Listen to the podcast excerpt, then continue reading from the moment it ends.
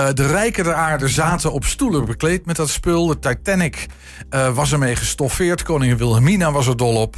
Het is een van de duurste textiel, textielsoorten die er zijn, die er waren. En het kwam gewoon uit een hengeloze fabriek. Gert Bani schreef een boek. Over twee weken wordt er in het Hengeloze Museum Oifo een tentoonstelling geopend over het product dat onder de merknaam Hengelo Vloer de wereld over ging. En Gert Banis is bij ons. Gert, goedemiddag. Goedemiddag. Wat leuk dat je er bent. Dat hengeloos verloer, het is, we willen maar meteen even beginnen. Dat, het, het is geen verloer, hè? Dat is eigenlijk een... Nee, het is absoluut... Ja, je mag wel zeggen verloer, het is geen fluweel. Daar, daar zit een grote verschil in. Precies. En het, je hebt, het, het, boek heb je bij je, maar ook een paar stukjes van, een, een, paar van die stalen van ja, Trijp. Dit, is het boek. Ja, dat is het. En dat, heb, dat, heb, dat boek heb jij geschreven. Ja, zeker. En daar zit ook een staal voor in, geloof ik. Klopt dat? Zie ik uh, ja, iedereen die zo'n boek koopt, die krijgt een stukje origineel Hengelo strijp. Wat je nu ziet, is ook wel trijp, maar dat is het schutblad. Oh, dat is het schutblad alleen maar. Ja. Oh, dat, en dat, dat komt er dan los bij? Dat komt er gewoon los het bij. Het is een chique uitgave, zeg. Uh, dat ja, boek. ja, zeker. Ja, in, in, in, ja, ja, in lijn met, uh, met de stof, met Precies. de trijp zelf. dat kan geen goedkoop boekje zijn. Nee, dat, dat, dat, zie je goed. Dat was ook de intentie, maar ik heb ook uh, subsidie gehad van de gemeente Hengelo. Oh, ja. En zodoende konden we het luxe uitvoeren. En die subsidie is natuurlijk gewoon dat het uh, hengeloos cultureel erfgoed ja, is. Ja, daar komt het op neer. En, je hebt wat staaltjes bij je. Um, ik, ik, ik, het, het spul komt me een soort van bekend voor. Mag ik eens voelen? Ja, zeker. Het is een voelstof, hè? Dat, ja, dat moet je in je handen hebben gehad. De, toch? En, en bij oma, oma's bankstel was ermee bekleed? Uh, jijn. Ja, en het zou kunnen als je een rijke kunnen. oma had, waarschijnlijk. Nou, ja, dat zie je goed. Want ja. trijp was en is hartstikke duur. Jij zegt is, het, het, het, is, het is niet een textielsoort die verdwenen is van de aardbodem. Het bestaat nog steeds, wordt er steeds gemaakt. Absoluut. Ja. Wordt ook zelf nog in Nederland gemaakt. Okay. In uh, Helmond. Um, Waarom zijn die uh, Helmonders ermee vandoor gegaan dan? Die zaten daar vroeger ook al. Okay. En die hebben op een of andere manier de, de, de zaak toch aan de praat kunnen houden. Um, alleen wat je hier ziet, dit, hier zit een heel mooi patroon wat erin geperst is. Ja. Dat is een andere, andere zaak. Zo te zeggen, dat is heel nog kostbaar. Ik, dat is nog kostbaarder ja. als er een patroon in geweven ja, is. Ja, want dan, dan maak je... je dus eerst dit, dit soort trijp, dit ja. is het, het meest simpele. Mm -hmm. maar wil recht, je de, zeg maar recht toe recht aan trijp. Recht toe recht aan. Even goed duur waarschijnlijk. Ja, nee, nee, maar... zeker. En als, misschien heel even voor een begrip, maar als je zegt duur, wat is dan duur? Zou ik je zeggen. Rond 1910 kostte het al 4 gulden per strekkende meter. Ja. En een strekkende meter was bijna 70 centimeter breed. Dus dat was nog geen vierkante meter? Was zeker nog geen vierkante meter. 0,7 vierkante meter? Uh, ja. 40 ja. gulden zeg je? Nee, 4 4 gulden. Oké. Okay. Uh, daar moest een arbeider bijna een week voor werken. Hè? Ja, precies. En dan had Zes je, dagen in de week. Had je een reepje van 1 bij 70 centimeter? Ja. Oké. Okay. En tegenwoordig kost het geperst en al denk ik 400, 500 euro per strekkende meter. Zo. Maar dan is de strekkende meter 1,30 meter. Dus die ietsje breder. Ietsje breder. Dus de inflatie rekenen we dan maar mee. Ja. maar goed, heel duur spul. Heel duur en spul. ik, ik, ik ja. moest meteen, want je kwam net met die rollen onder je arm uh, hier de studio binnen. En ik moest, ik moest meteen naar de banken van mijn oma denken. En daar lijkt het wel op. Maar dat is het niet volgens mij. Het is dan toch ander spul. Mijn oma was niet zo rijk. Uh, ja, dat, dat weet ik dus nee, niet. Nee, dat weet ik niet. Maar Maar uh, leg eens uit, wat, wat voor spul is het? En, en wat, wat maakt trijp tot ja, een hele dure... Um, trijp wordt geweven als een soort sandwich. Dus je hebt een onderdoek van katoen, mooie katoen, mm -hmm. dus à la theedoek. Daar maak je twee lagen van. Die zet je ongeveer een centimeter boven elkaar, worden die geweven.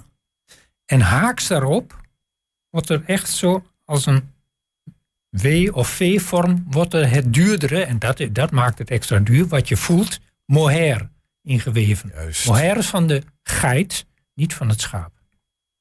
En dan heb je een sandwich, die zit aan elkaar vast. En helemaal op het eind van het weefgetouw wordt die doormidden gesneden. En dan krijg je twee rollen. Dan heb je het meest simpele, zoals ja, dit. Dan heb je dit.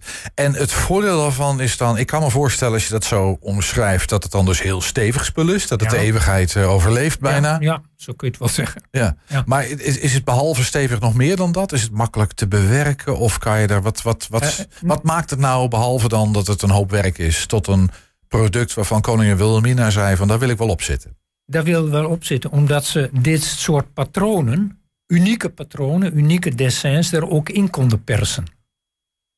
En dat, dit is geperst. En, dit en is dat geperst, betekent dat je het is onder zoals dat groene wat je hier hebt. Ja. Alleen dan wordt er een extra behandeling aan toegevoegd door middel van een pers. En het is, we hebben net, het, eh, net in de introductie al gezegd, hè, het is serieus het spul waar de Titanic Ja. eh, de, mee gestoffeerd is. Ja. Daar hebben we volgens mij een plaatje van. Ik weet eigenlijk niet of de. Dit is een, een, nou ja, een van de luxe hutten op de Titanic. Ja. En dan wat ik hier zie op de Ja. stoelen. En misschien ook op dat bed. Dat is van Hengelo strijp gemaakt. Nou, nee, je moet. Ja, Ja, zeg, maar corrigeer de wandbespanning. De Kijk, wandbespanning. trijp werd gebruikt voor wandbespanning, à la behang. Maar werd ook voor stoffering gebruikt van je oma, zeg maar. Juist. Maar hier is het duidelijk voor de wandbespanning. En je ziet daar een heel duidelijk patroon in. Een soort bloemetje. Het lijkt een bloem, hè? Ja. Het lijkt een bloem. Dat is het dessin aimable Kijk. uit, eh, uit Hengelo. En zo heb ik het ook ontdekt. Ik heb het gezien in het archief in Den Haag. En toen dacht ik, hé, hey, dat dessin ken ik. En er is maar één wals van op deze wereld. Die is er overigens nog steeds te zien in Oifo in Hengelo. Ja. En toen zei dat moet dus uit Hengelo komen. Want dit is een uniek eh, design. Dat werd alleen in Ja. Hengelo gemaakt op Ja, deze manier. Absoluut. Dat is toch bizar. Dus jij zag een foto van een hut van de Titanic. Heel even. Ja, En jij zag een bekend patroon. ja. En toen ging een lampje branden.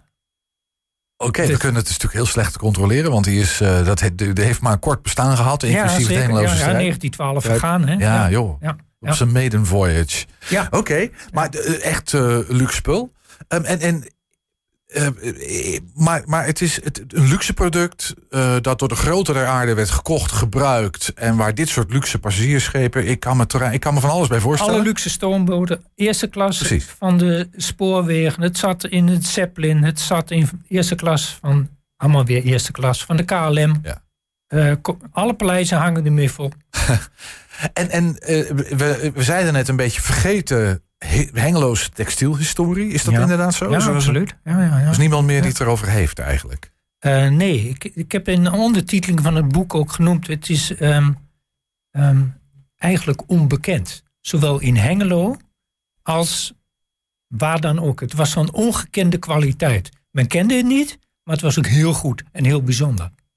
Maar En- men kende, en, maar hoe, ik, probeer me dat toch voor te stellen. Ja. Dan heb je een Zeppelin. Als die Zeppelin hier in Enschede landt in Ja. 32, of wanneer was het? Ja, Eh, iets in die sfeer. ergens in die buurt. Dan loopt heel Twente uit en half Nederland loopt uit. Om die Zeppelin te zien landen. van de buitenkant. Ja, daar zit dan trijp in, dit spul. En dat weten we niet. Nee, dat weten we niet. Nee. Hoe kan dat? Het was exclusief. Kijk, eh, Nederland kwam ook niet in paleizen, denk ik. Nee, nou, Het, het heel Vredespaleis hangt vol met trijp uit Hengelo. Daar kwam je normaal niet. Daar kom je nu ook al bijna niet in. Dat hangt er nog steeds. Ja. Dus het zal het er was, ook nog wel een paar eeuwen hangen ook, schat ik zo in. eh, dat denk ik ook. Mag ik ook wel hopen. Ho- ho- hoewel de kwaliteit wat minder is geworden. Vooral eh, kleurechtheid eh, na 100 jaar is minder geworden. Maar is dat dan ook omdat, ja, weet je, wij waren hier een, een, een eenvoudige, laten we nou, hadden twee lagen. Je had een hele kleine bovenlaag en dan een hele grote arbeiderslaag. Ja, En die arbeiderslaag, ja, die, die hadden geen trijp in huis natuurlijk. meestal niet. Nee, dus is, is dat ook een beetje een reden van de onbekendheid? Ja, mag je wel aannemen. Ja. Want En- de, de trijpweervrij timmerde eigenlijk niet aan de weg. Ze waren zo bekend bij degene die het wil- af wilden nemen, dat die, die orders kwamen vanzelf binnen. Hengelo Trijp maakte ook niks op voorraad. Er moest Gewoon echt op bestelling. Echt op bestelling. En de minimale afname, en dat was bijzonder, was anderhalve meter. Dat deden andere bedrijven niet, dan moest je echt wat af. En de verder ging het gewoon op bestelling. En het, het, het, het is dan, het is wel een, wereld, een, een wereldbedrijf geweest in de zin van dat het over de hele wereld in paleizen en, en, Ja, en luxe rijtuigen, zeker. kan mij het schelen, allemaal. Ja, ja, die bestelden dat. Ja. Ehm, maar is het dan ook een grote weverij geweest? Nee, of was nee, het. nee. Het was een klein bedrijf, niche-markt zou je tegenwoordig zeggen. Ja. Hoogstens 50 mensen die er gewerkt hebben. Oké. Met een, het heet ook Hengeloze Trijpweverij. Het is tot 1913 had alleen maar een weverij. En toen zijn ze begonnen met een eigen ververij. En ehm, ja, dat was het. Tot, tot de jaren 80 hebben ze het in Hengelo volgehouden. We hebben hier een, een, een foto van, Ja, van het trijp van toen. Ja. Eh, eerste helft vorige eeuw. Ik kan het niet precies dateren, maar nee, dat weet dit jij is misschien. 1914. 1914. Wat zien we hier? Wat zie je? Je ziet eh, links zie je een, lijkt wel een eh, rijtjeshuis. Mhm. Daar zijn, ze- zo zijn ze begonnen. En daarachter schuin links zie je een shedkap. Dat is de weverij. En dan ga je iets naar rechts. Dan zie je de schoorsteen van de stoomfabriek. Van de ehm, stoomketels. Ja. Door Stork geleverd natuurlijk. En dan zie je helemaal rechts nog iets. En dat is de ververij. Ja, precies. Dus het was eigenlijk een heel compact, Heel compact. bedrijf. Klein. 6000 vierkante meter terrein. Ja. En iets van 3000 meter eh, bedrijf. Ja, dus de- ook in die zin niet heel erg in het oog springend Niet of opvallend. Nee, of, nee, eh, nee. Heel in het begin hebben ze nog wel wat advertenties geplaatst. Een van de directeuren ging stad en land af in, ehm, in Nederland om het te promoten. Ja. Eh, ze zijn naar de wereldtentoonstelling in België geweest. Daar kregen ze allemaal medailles, bla bla bla. Tot iedereen wist van, als ik iets bijzonders wil hebben, dan ga ik gewoon naar Hengelo. We hebben nog een plaatje, volgens mij van machines en van rollen. Het zijn plaatjes uit jouw verzameling. Hè? We gaan zo meteen ook even over de expositie van deze, onder andere neem ik aan, deze platen Ja. kijken. Wat zien we hier? Dit is een, dit is dan een weverij. ziet- ja, dit is de weverij in eh, Hengelo. En je ziet ook, ehm, moet ik een ander staaltje laten zien? Je ziet dat die ehm weverij ook een rol daarbovenin hebben. Ja, En als je iets bijzonders wil laten weven, dan deed je dat zo, op deze manier. dat is dan geen gedrukt of geperst Precies. stof, maar dit is geweven stof. Dit is geweven, een, een ehm, bijzonder dessin wat direct ingeweven is. Ja. In tegenstelling in het geperste Ik gedeelte. kan me voorstellen dat dat patroonweven in trijp, dat is dan nog exclusiever. Nog exclusief. Wil je nog... Hoogstens, ja, hoogstens tot de Tweede Wereldoorlog volgehouden, want het was veel te duur. Ja. Wat Hengelo wel deed, en dat is hier een voorbeeld van, is vanaf het begin, dus vanaf rond 1901, eh, ontwerpers in dienst nemen. Anders zeg opdrachtgeven. En dit is van de bekende ontwerper Theo Nieuwenhuis. Oké. Die heeft heel veel Jugendstil Ja. eh, ontwerpen gemaakt. Ja, maar Hengelo moest het ontwerp vertalen naar Chakar. Chakar, en dat is de, Machine, de, ja. de machine die, de, de die, de, die de patronen in, in textiel weeft. ja, hè? dat is wat je... Korte eh, kop van Jacquard. Ja, ja. Zit daarboven, daarbovenin zie je zo'n kop Ja. van Jacquard ja, ja, volgens precies. mij. Hè? Dat, dat is de goede plaat. Ja. Ja. en dat ziet eruit als een eh, papier. Het is ook papier, een rol, zo je ook in draaiorgels hebt. Precies hetzelfde Precies systeem hetzelfde. Ja. Ja. We hebben nog een foto, want het, het is een beetje, want wat, het was een kleine werkgever. Ehm, en ik begreep, jouw vader heeft daar gewerkt. Ja. Was een goede werkgever ook? Het is nooit gestaakt. Ze betaalden altijd beter dan de rest van het textiel in Hengelo.